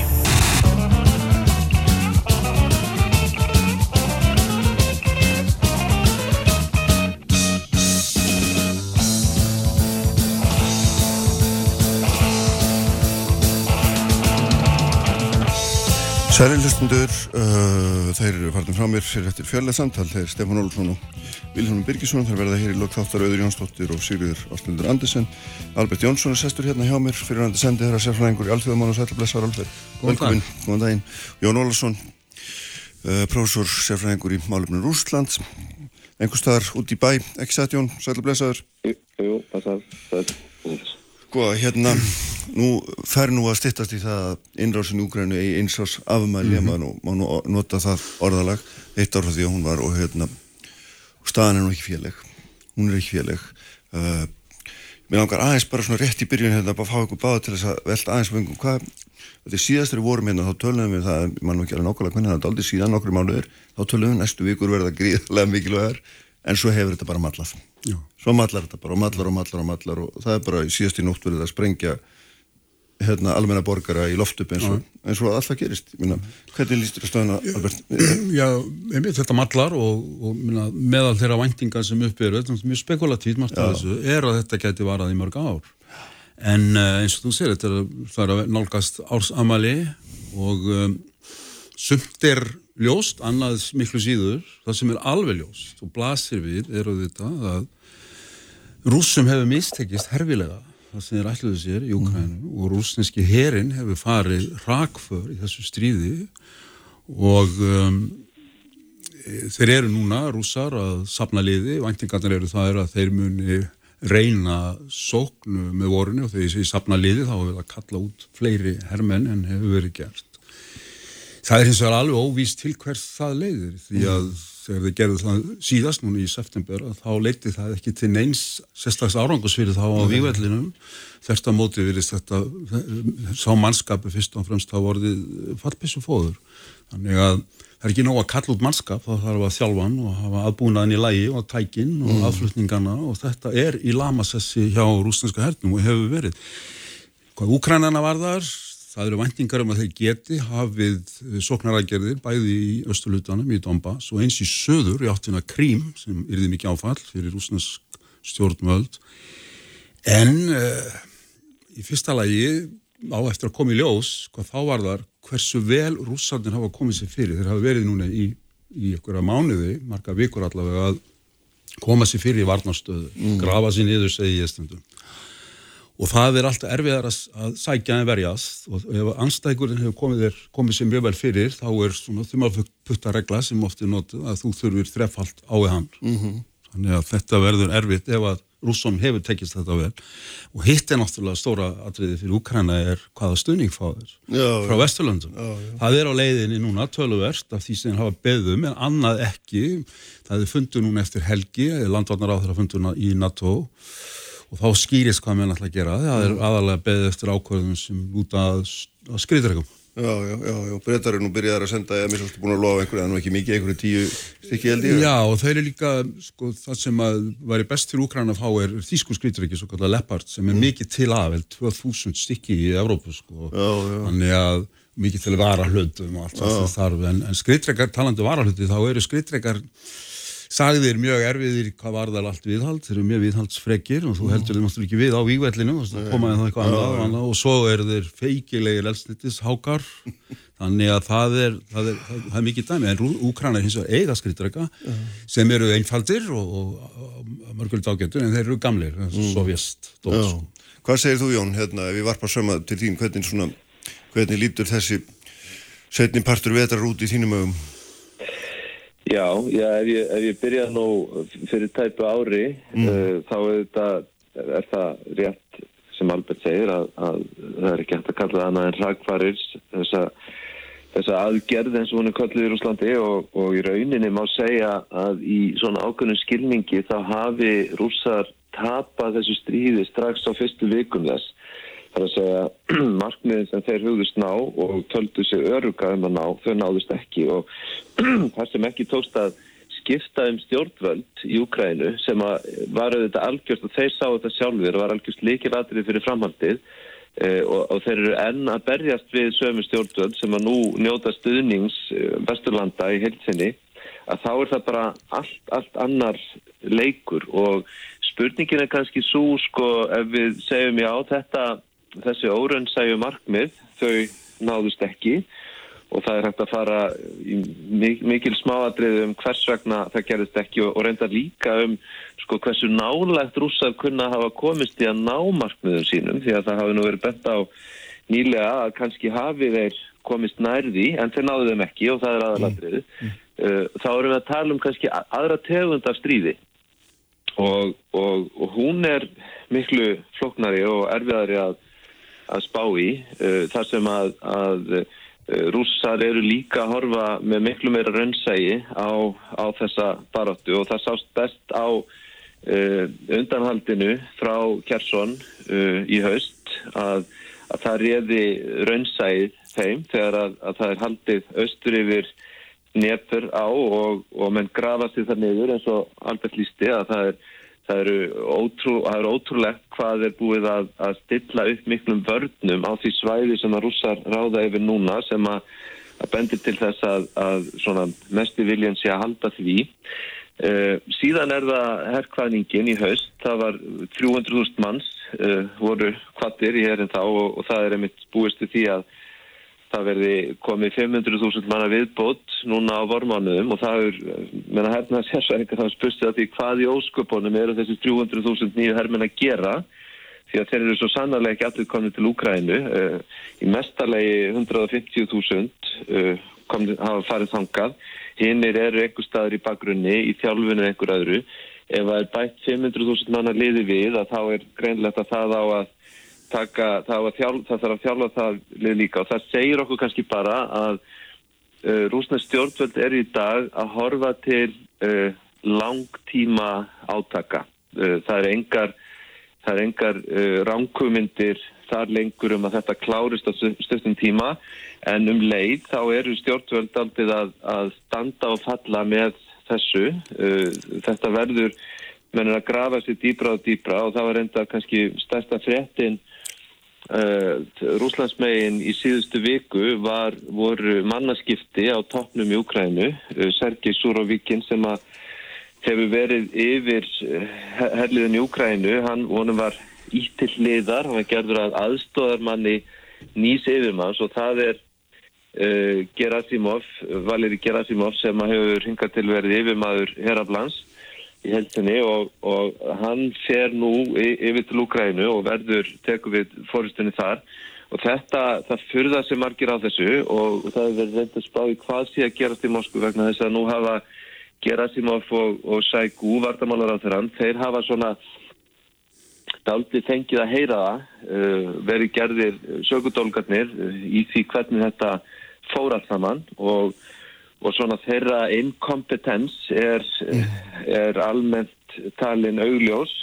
Þannig að hér er verið að setja minna hæfan hersöðingja yfir þann sem er hæfari því að Súravíkin hefur til dæmis verið Hún hefur verið hægt fyrir það að, að það sem að hann hefur skipulagt hefur gengið býstna vel upp til dæmis undanhaldið frá Kjersson sem að, að, að hérna, er flóki mál að standa að en tókst, tókst vel og, og heit, það heitir nú oft þegar, þegar að minna hægt fólk er sett yfir meira hægt fólk þá stund, er það stundum orðað svo að þessi verða að færa hlutin á hærra stjórnsýslustig, það er svona íslenskt orðalag Þannig að það er eitthvað svoleið sem fyrir að gera þarna. Já. En það er líka, það sýnir okkur líka að, að lögmálinn innan Kremlarmúra, þau snúast ekki um, uh, hvað maður segja, árangur eða hæfni á þessari stundu, þau snúast um uh, hotlistuna. Mm. Og, og, og, og þannig að ég held að, sko, það er erfitt að átta sig á því hvað er að gerast, en, en svona aðalatriði kannski að, að, að það, er, það, það sem blasir við er að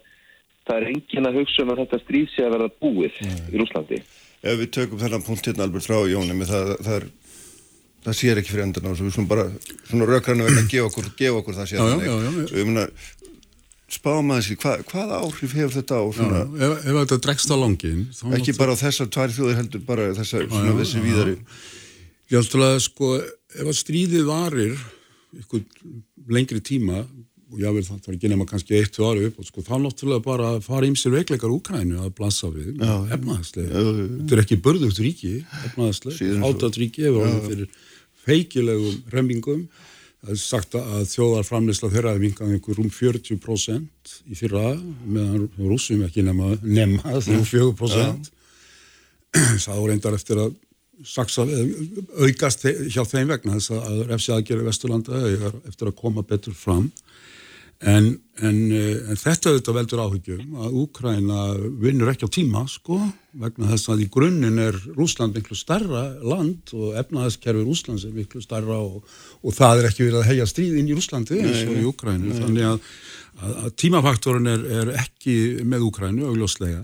Hins vegar eru, við skulum ekki bara, eins og ég nefndi að það eru vantingar um að þeir geti komið þessu af stað, þeir geti mm. komið þessu á reyfing og sér í vil. Mm -hmm. Þekktir hersöðingjar, einnir að segja að þeir verið komið, komið til krímar í ágúst, sko. Já, já.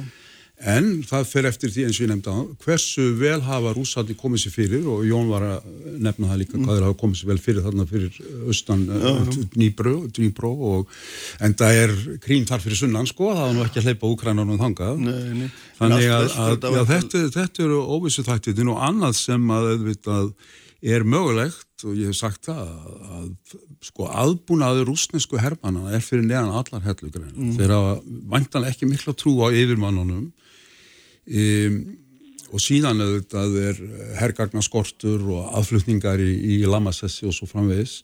Þannig að sko það er ekkert útilokka að það bara verður hægt að stökka þeim á flóttam svo stuðið einhverju leiti mm. og, og, og, og það er ákveðna væntingar um það. Ef, ef að úkrænarnir fá það sem þeir þurfa en þeir náttúrulega eru ekki að fá það sem skiptir miklu þeir eru ekki að fá flugvilar en ef þið fá þessa skriðdrega og blindrega þá eiga þeir möguleika og þeir eru enn og aftur með þann, þann það yfir hýna þeir eru að verja sér stæðiland Þetta hérna, Jón, ef, ef, ef þú tekur þetta áframvegna hérna, líkiladri í þessu öllu saman þessari þræðir sem Albert er að spinna um ógrænum en hérna, eitthvað með reykir úr svona á flótta er auðvitað til fái sko, miklu vega meiri aðstóð frá Vesturlundum og, og úkrænski vardamálar á þeirra tala um umorðið að þeir séu de facto eins og hann orðaða í raun og veru gengnir í NATO þó það sé ekki búið að ágriða með neinum hætti neinstaða formlega. En ég minna það er kannski einn augljósa þróun líka að Vesturlund þurfa að komi með miklu afdrífaríkari og meira afgerandi hætti að nynni eða hvað, ég veit það ekki. Já, sko, það, veist, það er náttúrulega ekki neitt de facto aðeins að NATO, skilur við. Ef, ef að land er ekki NATO, þá er það... Það er ekki NATO, nei, nei, nei, ég er nú bara að vísi á hans orð, já, já. Já, já, nei, nei, ég, ég, er ekki að gangra því, heldur, heldur, heldur, þetta er auðvitað, þetta er auðvitað úkrænsk, úkrænumenn eru líka snjallir áraðismenn, sko, og þeir eru að heia miklum, uh, mikilli, hérna, útsjónarsemi, þá átt að þeir sem líka á að þeir verða virkilega að hafa sig alla við til þess að halda Vesturlandu hefnið og eins og er, er þeir að fá þess að þeir vilja. Albert var að nefna tísku skriðdreikana, það er verið að lofa þeim breskum skriðdreikum núna sem eru fyrstu vestrænu skriðdregarnir sem þeim fá. Það er búið að lofa þeim að það var senda hundrað Úkrænu ofisera til bandaríkjana til að, að þjálfa þá í að nota Patriot þarna varnakerfi og, og, og síðan eru þýsklóttakerfi sem að hefur verið talað mikið um sem að velta reyndar á skilt mér skotfærum frá Sviss sem að Svisslendika vil ekki láta hendi. En, en sko þannig að eins og, eins og staðin er núna að þá er, er sagt er ekki annað að sjá heldur en að það sé það sé mikill sko hugur í vestrænum stjórnvöldum að styðja hernaðarlega við Úkrænu og, og það var reyndar, ég las það einhver staður um daginn uh, að, að sko sagt, heldar verðmæti aðstóðar vestur-Evrópu sé orðin, uh, orðin meira heldur en það sem bandaríkjóman hafa látað hendi. Þannig að það sko skapast ákveðin samkeppni á milli bandaríkjón og Evrópu um þetta. En, en þá kemur að hinnu af því að Úkræna er jú ekki í NATO að þá getur auðvitað pólitíkin breyst. Og, og það er aldrei á vísan að róa í þessu og, og það er auðvitað það sem að, að rússar gera sér eftir vonir um. Ég held að Putin hafi búist upp því að þessi stuðningur fyrstulega er aldrei svona mikill og myndi sko bregðast fyrir hann hefur gert uh, frekar en að vera aukast akkurat núna en ég menna þetta er, er óvissu faktor og ég held sko að sko allar um, allir spádómar um stórkostlega hernaða sigur á Ukrænu eins og staðinu núna eru, eru að mínum að þið dálítið bara svona út í loftið. Uh, þetta, við veitum í rauninni afskaplega lítið um, um hvaða getu þeir muni hafa gagvast í herliði sem er búið að koma sér fyrir Ukrænu. Um, það er ekkit ólíklegt að það takist að sko komi veg fyrir frekari, frekari framráðs í byli en sko en um leið horfum við á það að, að rúsar eru algjörlega staðræðunir í því virðist vera að, að eidilegja allan infrastruktúr í, í þessu landi. Mér meina núna síðast í nótt að þá voru sko aftur reyna af hérna dróna og eldlu árásum og það, það mun halda áfram þannig að, að sko það, ég held að ég að séu tveir tímafaktorir í þessu. Annars vegar er sko þessi þessi lengri tímafaktor. Þar munur rússar alltaf standa betur vegna bara stærðar og getu öllu leiti. Hins vegar er annar tímafaktor sem er skemmri og, og hann er svo miklu óvissari. Það er að segja hvað gerist núna á næstu bara, bara á þessu ári. Uh, hvað verður úr herrfæningunni, uh, hvaða nót geta úkrænum en haft af þeim mikla stöðningi sem þeir eru að fá á næstu mánuðum. Uh, verður sko, ég meina um leið og Úkrænumönnum tekst að rjúfa uh, til dæmis landlínuna til grím, þá er það gífurlega stór sigur, bæði hernaðlega og móralst sko. og, og síðan herrkvæningin, ég menna herrkvæning nr. 2 með 500.000 manns, sko ég sé það bara strax á, á hérna á því sem að, að maður heyrir frá Rúslandi bæði í miðlum þar og, og svona utan að, að hérna þetta veldur alveg rosalegum áhyggjum hjá fólki. Uh, 500 manna herrkvæning, þetta því að það verður miklu líklara fyrir bara mannin og göttunni að vera gripin og sendið til Úkrænu. Hvað gerist þegar þriðja herrkvæningin kemur, eða fjörða? Mm. Það var fræð fyrirsögn hérna í, í einu rúsnarsku blæði komið samt þegar, þegar fyrsta herrkvæningin var að þá skrifuð byrtu þeirra allt í einu langa grein um, um hérna, stríður í Japan 1904-1905 Uh, og fyrirsögnin var uh, fymta herrkvæðningin breytti andrumsloftinu algjörlega.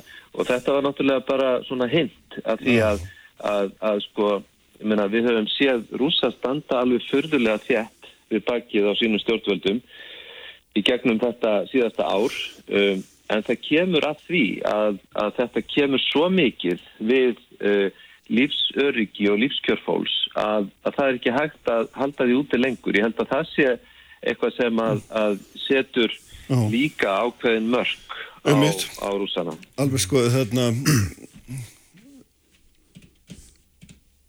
þetta er þessi stóri óverðáttur sem er nefna síðan er þetta kjartangsprengnar og svo er þetta, þetta hvað gera vestuveldin og maður sér náttúrulega maður svona fyrir gegnum ummæli helstur aðamanna Stoltenbergnar til dæmis veist, við erum spásaman er það ekki að íta okkur alltaf nær og við erum eftir þessum leggur fræri hergögg fram meirum búnað er eitthvað meira involveraður innblandarðið meira í þetta sjálfsögur Já, já, en um leið er alltaf tekið mjög skýrt fram. Já, Mér sko þegar bætið var á blamanafundi með Selenski í Mm. kvítahúsinu um daginn, var tekið skýrt fram að þetta var, það væri ekki ætlunin að fara út í þetta stríð með Ukraínu, það er það ekki.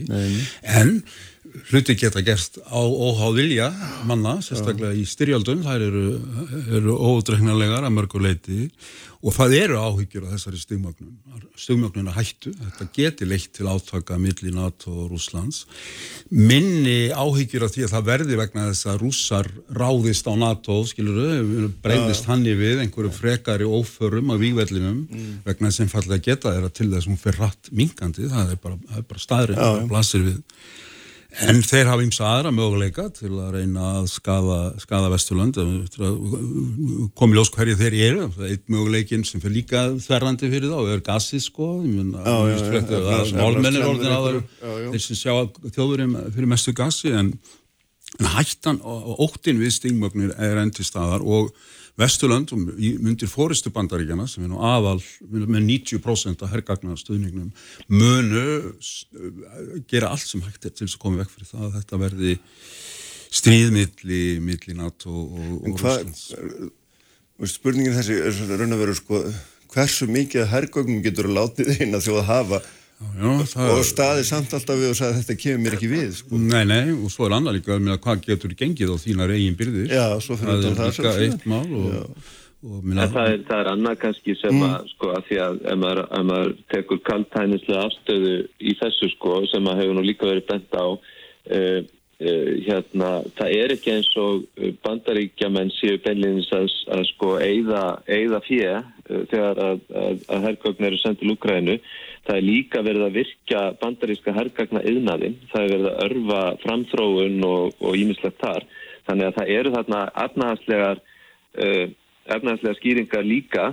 Ég meina það var uh, hérna einn uh, hersjárfræðingur sem ég var að lesa pistil eftir um daginn sem var að segja býtu uh, akkur ættu að hafa svona mikla ráðugjur af, af þessum stöðningi við erum að halda í gangi uh, stríð, þetta, ég tekka fram að þetta er svona kaltæðnislega lýsingin og viljandi þannig, við erum að halda í gangi stríði sem að kostar okkur ekki mikið en veitur okkur í rauninni alveg frábært tækifæri til þess að, að auka framleiðslu og, og hérna þróa Þetta er ekki bara kaltæðnislega eins og er líka komið fram Jón að það er ákveðin tregða hjá hergagnaframleðendur, þeir spyrja sko hvað, hvað ætli að vera lengi í þessu? Því að hergagnaframleðendur þurfa að fjárfesta í vélum og alls ís útbúnaði að vel húsnæði eða að fara stóra auka hergagnaframleðendur, þeir ætla ekki að gera það ef að daginn eftir hættu allt saman sko, þannig að þetta er ekki alveg alveg svona einfalt, en ég held að aðalatri eru þetta það að, að bandari, útgjöld bandaríkjana á þessu ári til landvarna verða næstu 900.000 miljónir dólara Þannig að stuðningurum við Úkrænu þetta reyfir ekki við stórum hlutum hjá þeim. Og stærðirnar hjá þeim eru bara af þessu tæ og þess vegna eru þeir auðvitað sá aðlið sem sér Úkrænumannum fyrir mestu af, af herrgögnunum en, en uh, bara enn og aftur sko það eru, eru margir óvissu þættir í þessu og þeir eru, ekki, þeir eru líka hjá Úkrænu og við Jón höfum verið að tala um. Það er, það er mjög erfitt að sækja gegn anstæðingi sem hefur grafið sinni það er nú eitt. Alveg sama hversu við En sko þetta... Já, það er kannski bara- örstuðt Jón í lokin bara. Já, ég meina þetta er ennþá háð á efnaðslegum fórsendum, sko. Það er ekki búið að setja stríðsekonomíun í gangu vesturlöndum. Nei, nei. Þannig að ég held að það sé alveg, alveg rétt og það, og það breytir auðvitað allu. Þannig að auðvitað eru, eru herrgagna framlegendur að spyrja slíkra spurninga en það eru margir á vesturlöndum sem að græða á þessu stríði en það þurfum bara að hafa það í huga. Já, um mitt. Herðu, látum það vera loka orðin að þessunni. eins og æfinlega, báðu tveir. Takk fyrir að vera með mér. Það eru hérna Sigriðan Andersen og Öður Jónsdóttir eftir önglablík. Sprengisandur Á bylgjunni Frettir, fróðleikur og frábær tónlist Alltaf björt og brosandi. Þetta er Bilgjan. Sprengisandur Alla sunnudaga á bylgjunni Sæli hlustendur, þá erum við hér á svona loka sprettinum, Albert Jónsson og Jón Olsson farnir frá minni þær er sestar hérna Sigriður Ástildur Andersen og Auður Jónsdóttir, sælar og blessar báða tvær og velkomnar. Takk. Uh, mér langaði aðeins að taka húsa á ykkur svona varðandi þessa, hvað maður kalla þessa umræði sem hefur verið á samfélagsmiðlum uh, og tengist náttúrulega þessu vestmannemáli, hérna, gerð þessar, þessar tröllskessu sem að fónum fyrir brjóstuð með mörgum en aðri töldu bara vera brandara og framvegis og það er svona, hérna, kemur í ljós að, að það hvernig á tólka hluti er alls ekki, við erum alls ekki af sammála með það við höfum oft haldið. Og, og hérna málfrelsi okkar er kannski ekki alltaf það sem við höldum. Pólitíð samhengi ræður miklu og menn svona sjá það með mjög svona mísöfnum augum. Og upp úr þessu spretta miklir eldar mm -hmm. sem að hérna, geisa í, í þessum vefheimum. Mm -hmm. hérna, auðvitað, þú byrjar að hvað svona Sko, já, það sem að hefur verið að gerast á síðust árum er að við erum að fá alls konar ný hugtök inn í veruleikan er, er eitthvað teknilegt vandamál? Nei, alltaf. Já, það, það sem hefur verið að gerast undir um árum er að við erum að fá alls konar ný hugtök inn í hugarheimin sem að eru margt upplýsandi og breyta hugsun okkar og veruleika. En við erum kannski ekki alveg fyllilega með alltaf valdið á þeim eða, eða svona alveg búin átt okkur á eh, hvernig við ætlum að nota þau. Og hérna ef við talum um, um málið um ettu fallag þú veist þetta er bara svona síðasta mál sem kemur mm, upp já, og og, og í rauninni sko, þetta er alltaf spurning er þetta hatursorræða ekki? Að því að atvik getur líka verið hatursorræða þegar þú notar mm. valdið til að smæta en, en hérna það sem er með þessi hugtökum og mér finnst þetta sjúkla áhugavert að því að hérna þau eru svo, getur verið svo óbásla sterk og þau í rauninni getur maður nota svona hugtök til að ná ákveðinu valdi á veruleikanum. Og en við gleymum stundum samhenginu og oft fyrir líka eftir í hvernig við notum hugtökin, eh, hverjir hagsmunir okkar eru, hverjar skoðanir okkar eru. Og við erum kannski ekki alltaf að nota þau í réttasta samhenginu eða, eða hérna uh, já, ég til dæmis var núna hanna menningasýður fyrir heimildina og þá fekk ég Eirik Rökkvaldsson til að skrifa bara um hugtök og, og svona hérna útskýra aðeins hvernig þau eru að, að breyta lífsín mm. okkar og, og þá um leið veruleikanum já, ég, ég tala um ekki hérna til sjöu kvöld Já, einmitt hérna, já, og svo snýst þetta líka með einhvers konar, þú veist, það er hérna, með hugta sem heitir vók og svo erum við með pólitíska réttugsun mm -hmm. við erum með takmörk tjáningafrælsis versus viðkaminn fólks og, og svo framvegð sem þetta er allt saman komið í einhvern veginn í Daldinn gröð Já, já.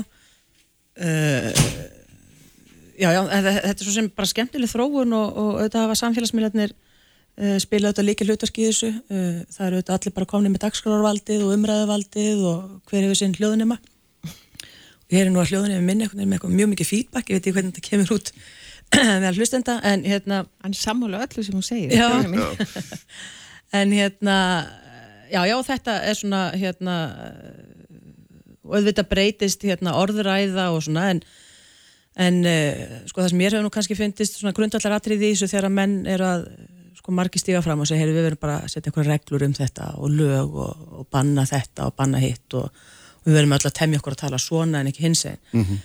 þá held ég að menn horfa alveg fram hjá því að, að bæði tungumálið og auðvitað bara hegðun og, og svona framkoma aðverðli manna er bara lifandi fyrirbæri og sem að verður illa stýrt með reglum og, og lögum uh, ég, sko ég held að skipti miklu máli samt að ég hef gaman að þessum sem stíga fram svona sem að vilja vera svona rittarar hérna síðgæðisins eða hérna málsvarar hinn á þessa sjónami mm. og stíga fram og eru svona brína fyrir okkur hinnum, svona mismikill eða mislítill vandlætingu stundum ég var alveg gaman af því og ég held að uh, það ber alveg árangur uh, og margt af því er gott uh, mjög margt af því er mjög vond en, hérna, en ég held að svona, til lengri tíma þá held ég að við berum öll sko gæfu til þess að taka veist, og breyta rétt á endanum mm. þetta snýstu þetta bara allt um, um hérna, held ég að, að mínu mati um bara kursteis og menn reyna að temja sér það og ég held að flesti sé nú að reyna að vera það. Uh, teksta kannski bara ekki sko sumum mm. og, og, og við mögum heldur ekki gleyma því að við erum ekki sko einsleitt þjóðfélag og uh, það er kannski ekki öllum gefið að koma skoðunum sínum á framfæri uh, með kannski jafn vönduðum hætti og kannski við myndum vilja tæmi okkur sjálf við höfum til dæmis með þetta bara í hug sko við rifja upp hæstaræðardóma um hatursorðræði, það er ekkert margir dóma sem hafa fallið, sérstaklega sem orðið hatursorðræði kemur fyrir, eða það sem hefur verið ákært fyrir það mm. í sakamálum, uh, vegna þess að hatursorðræði er ekki uh, lögfræðilegt hugtak, heldur svona kannski samheiti yfir nokk, nokkur hérna, alls konar hegðun og uh, ég man eftir dómi þar sem að að þau var sakveldu fyrir hatursorra fyrir umæli sem að fjall í einhverjum innringi þætti, í einhverjum útastætti, ég muni kannski eftir þessu. Mann og ekkert hvernig, hver, hver umælinn voru en þau voru auðvitað bara þannig að þau kannski báru fyrst og fremst bara vittnum hans kannski hérna, sko, hans skort á uh, kannski orðfæri sko. En það, og, er, og, og mér fannst í sjálfu sér á þeim tíma sko þetta vera heldur harður dómur, ósangjarn svo er til aðrir dómar þar sem að menn hafi verið síknaðir fyrir, brot, uh, fyrir svona hattursorðræðu uh, af því að orðalæði í komment, það var í kommentakerfi var þannig að það þótti nú ekki vera beint svona nógu gróft sko til að vera hattursorð án þess að það hefði verið skilgætt eitthvað frekar En ég held að ef við tökum aðeins bara að dóma út úr þessu að þetta er líka bara spurning um byrtinga, sko, hvað, hvað, sko, við erum með þetta hennan lifandi netheim sem eru bara orðin okkar ósæluröðu samskipti. Þegar að koma svona sterk hugtök sem eru hérna bú, kannski búin til til einmitt að reyna að greina veruleikan, ef þau eru notið á mjög of einfaldan hátt þá þrengja þau jafnvel veruleikan og ef fólk er ekki alveg að svona, e, svona alveg hafa valda á þeim þá geta þau bara snúist upp í populism og þú getur farið að skipta þær bara við og hinnir og þú er bara Sem það er farin að nota náttúrulega. populískar aðferðir. Eða jafnvel á þess að gera það grein fyrir og þú er farin að beita einhvers konar eineltistöktum og þú ert jafnvel að gaggrýna einelti en þú notar sjálfur eineltistökt þannig að þetta er held ég líka bara hvernig að við séum mjög meðvituð og, og líka mitt meðvituð um hvað hvað getur mögulega verið hattur svo hvað getur svo, verið populismi já, svo líklega það skiptir sko samhengið þetta svo miklu máli hefði svona sögulega og samtí, sam, samtímalega mál, samhengi þess sem þú orðar eitthvað Sko, oft- fyrirbriði exakt ofta því fólk leggur upp í umræðu með einhverja fyrirframgefna skoðun sem það ætlar að raukstiða þá oft sko bara eldir það raukleðsluna en er komin, langt, er komin langt út frá samhenginu því þannig bara virka orð. Og þetta er þetta að skoða orðin sem við erum að nota. Við erum að nota tungumáli til að greina um heiminn og, og hugsanir okkar. Og stundum missum við svolítið valdið á því. Við erum komin einhvers langt út í móa í okkar raukleðslu Já, það er náttúrulega svona, þetta er líka, þetta er svona, sko, saminginu það er líka vissi til þess að svona hvernig, þú veist, að því að menn er líka að tala um, þú veist, einhver hópur má ekki skilgreina tilfinningar einhvers annars hóps mm gagvart einhverju sem sagt er, að því að hann hefur ekki vald til þess. Skiljið, þetta er eitthvað svona snýstum eitthvað svona, ég veit ekki, hvað að kalla þetta eitthvað svona umræðavald, kallar þetta Já, ekki á hann? umræðuvald, ég meina dagskrárvald, ég meina Já. menn keppa svolítið um það sko. Uh, já, já, ég stæði þess að fagna allir umræðu Mm. að þá hérna uh, falla margir þá grefi sko einhvern veginn að vilja bara einhverja eina umræðu, ég meina tökum dæmi tökum dæmi þessa framsetningu á glæru Sigmundur Daví sem Já. búða margra að það svona, en, en bara sem dæmi að þá sko í stað þess að bara fagna umræðunni sko að þá fara menn í vörð neð þeir sem settu þetta fram sko og vilja ekki í rauninni ræðamáli frekar sko í stað þess að ég hef talið upplætt akkur er ekki bara hérna Sigmundur Daví bóðið í kennslustund og þessi tími tekin aftur og, og jáfnvel bara honum streymt uh, lifandi sko þannig að, að allir fá að því nú er all þjóðin búin að vera sett inn í þetta mál og mönnum hefur misbóðið Já. og til þess bara að leifa umræðunni að, að þráskast eða minnst þú stu koma fram umbelega að þá var svona freka að fara í ykkur að vörn og fara svona að reyna að réttlega og, og segja að þetta var bara stilt úr samhend heimgi og, og svona án þess þó að koma fram með samhengi sko sem mm. maður býð eftir. Já, En já, það- ég líka, ég líka svo sammála þessu. Fólk er oft e, mjög hrætt við umræðu. Það bara, þú veist, þagnar frekar en bara fara því umræðu í rauninni er alltaf að því góða, þetta er bara hvernig við tæklum hann, oft getur mjög heimskuleg umræðu orðið á endanum að einhverju góðri umræðu. Hún bara, það er þessi vera sem hún er, hún hérna en það er, ég reyfst við vinkunum minni daginn aðeins sem er hann að félagsræðingur eða svona raukræti við hana því að ég var hérna e, satt undir ásökunum um að vera með menningar og mikið um menningarauðmagn. Ég var án svona ásökun að menningarauðmagns á Íslandi. Og hérna, en þetta er til dæmis næstu 100 ára greiningatæki frá Fraklandi notuð til að greina franst samfélag og kerfi. Og svo er allt inn búið að taka þau og þau til að greina einhvern einstakling á Íslandi árið 2022 þannig að það er svona hvernig við notum Mm. tækin og, og, og hvað, hvaðan koma þau og hver er, hver er sagan á bakvið þau eins með gerenda meðvirkni, það er orð sem að ég hérna, hef mikinn áhuga á að því að ég hef örgulega oft orðið sögum gerenda meðvirkni en á sama tíma finnst mér líka kannski ákvarðanavald eiga að vera hjá fólki hvort að hérna hver afstæða þess er til einhver sem mögulega kann að hafa beitt á ofbeldi, elskara kannski manneskjuna, vinna eða þú veist, þannig að hugtökin eins góðu upplýsend að þau geta verið og þau fleita okkur áfram, Mm. þá verður við svona fá að hafa persónlegt vald á, á okkar veru og einhvern veginn Mm. En hvað með, hvað með hérna, málfrelsi í, inn, í þessar, inn í þessari ringjuð aldrei, málfrelsi er hérna, óumdeilt og óafturkræft og hvað það heitir allt saman og enda löst í raun og veru, ég Já, er það óumdelt, ég bara já, því fyrir já, Ég- ég já, kannski er það bara alls ekki. Nei, það var verið að stopna félag, ég tók þátt í að vera hérna, einn að stopna aðilum mm. Uh, Málfrelsisfélags hérna í Íslandi, ég stend ekki að því, ég bara á svona fleirum skráði mig strax í þetta félag. Uh, félag sem að ætla er að sko, fjalla einmitt um málfrelsi. Uh, benda á kannski einhverja umræðu sem að eh, mönnum, menn telja það sem málfrelsi hefur ekki beint verið haldið til haga. Og við erum ekki að tala um við erum ekki í norðu kóru, við erum áttum okkur á því það er auðvitað þannig málfrelsi hér á Íslandi. En, en það er svona, það skiptir máli að, að málfrelsi sé ekki bara svona á, í orði í, í lögum og svona og menn geti tjáð sig heldur að það sé svona raunverulegt málfrelsi uh, því Þýðir að- það það að það með ekki andmæla einhverjum krafti? Já, það, sem, það sem að, uh, menn stíga sem þú fram og það er reynd að þakka niður einhverju umræðu já, af því að hún er bara hún er ekki viðtekin Mm. á þeim tímapunkti Já. svo bara höfum við bara mörg dæmi um það að hún verður kannski setna mjög viðtekin sko.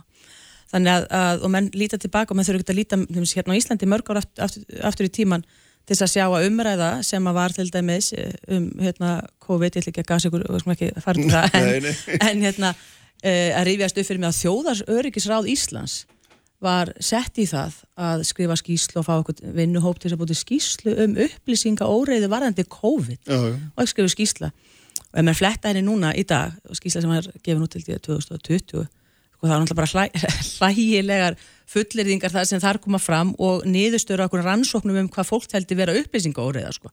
Vegna sem margt af því er náttúrulega bara hefur komið í ljósa var bara nákvæmlega há rétt sko, réttar upplýsingar.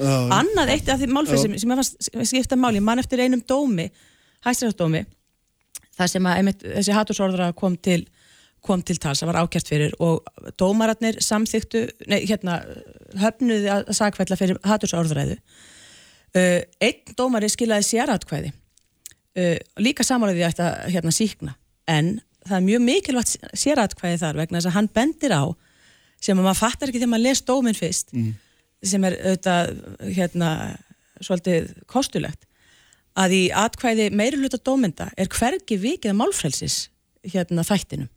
Þannig að mm. dómar sem skilaði sératkvæði fannst mikilvægt á komst sömu niðurstöðu en með öðrum raukstuðningi hann, og þar dró hann fram uh, hérna 71. stjórnarskrána um málfrelsi og fleiri þætti sem mættu að leiða til þess að viðkomandi var síknaður af hatursorðræði en, en meiri hluta dómynda uh, bara við ekki einu orði að málfrelsi þannig að það sem kannski svara spurningunni Já, já.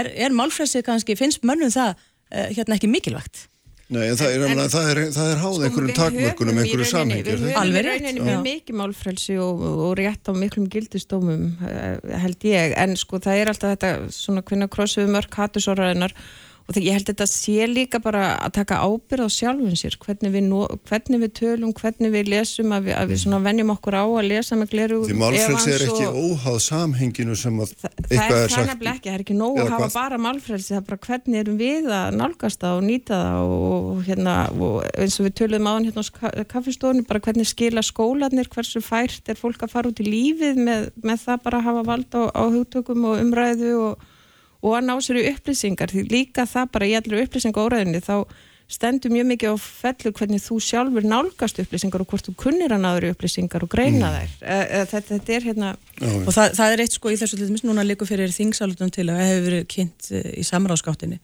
hvernig fólk hérna, er áhuga samir um þetta, kynna sér þessa þingsálutum tilugu sem ætla er að fela ríkistjórninni að, að búa til held ég 20-30 námskeið fyrir hinn á þessa aðila kjörna fulltrú að dómara, starfsmenn stjórnaraðan og ofinbæra starfsmenn og ég veit ekki, ég held að sé mjög fáir eftir sem ekki þurfa að setja námskeið um það hvernig ég að tjá sig og tala. Já.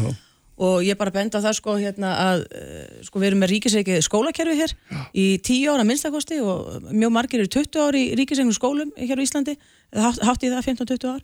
Og ef að það skilar ekki fólki hérna talhæfu Já. að þá held ég að námskeið sem að reikin er á vegum fórsættisræðandi hérna, bæta ekki þar úr Ég held reyndar að sé gott að þetta námskið sko upp á að gera bara fólk meðvitaðara Mm. um hattusorðu svo það sé ekki að koma sér í vandræði. Það er ágættis hérna, það er ágættis Norgun. Herðin, við verðum að láta þessu loki í bili allavega. Höldum áfram síðan. Getum við haft framhald? Já, alveg öruglega, endalaust. Herði, takk fyrir að koma takk. báða tvær. Og Ívar Daði Haldursson stýrði þetta útsendingun eins og hann gerir alltaf og svo finnir ég efni á hefbundum stöðum en við erum hérna aftur með ykkur félagarnar eftir viku. Verið sæl.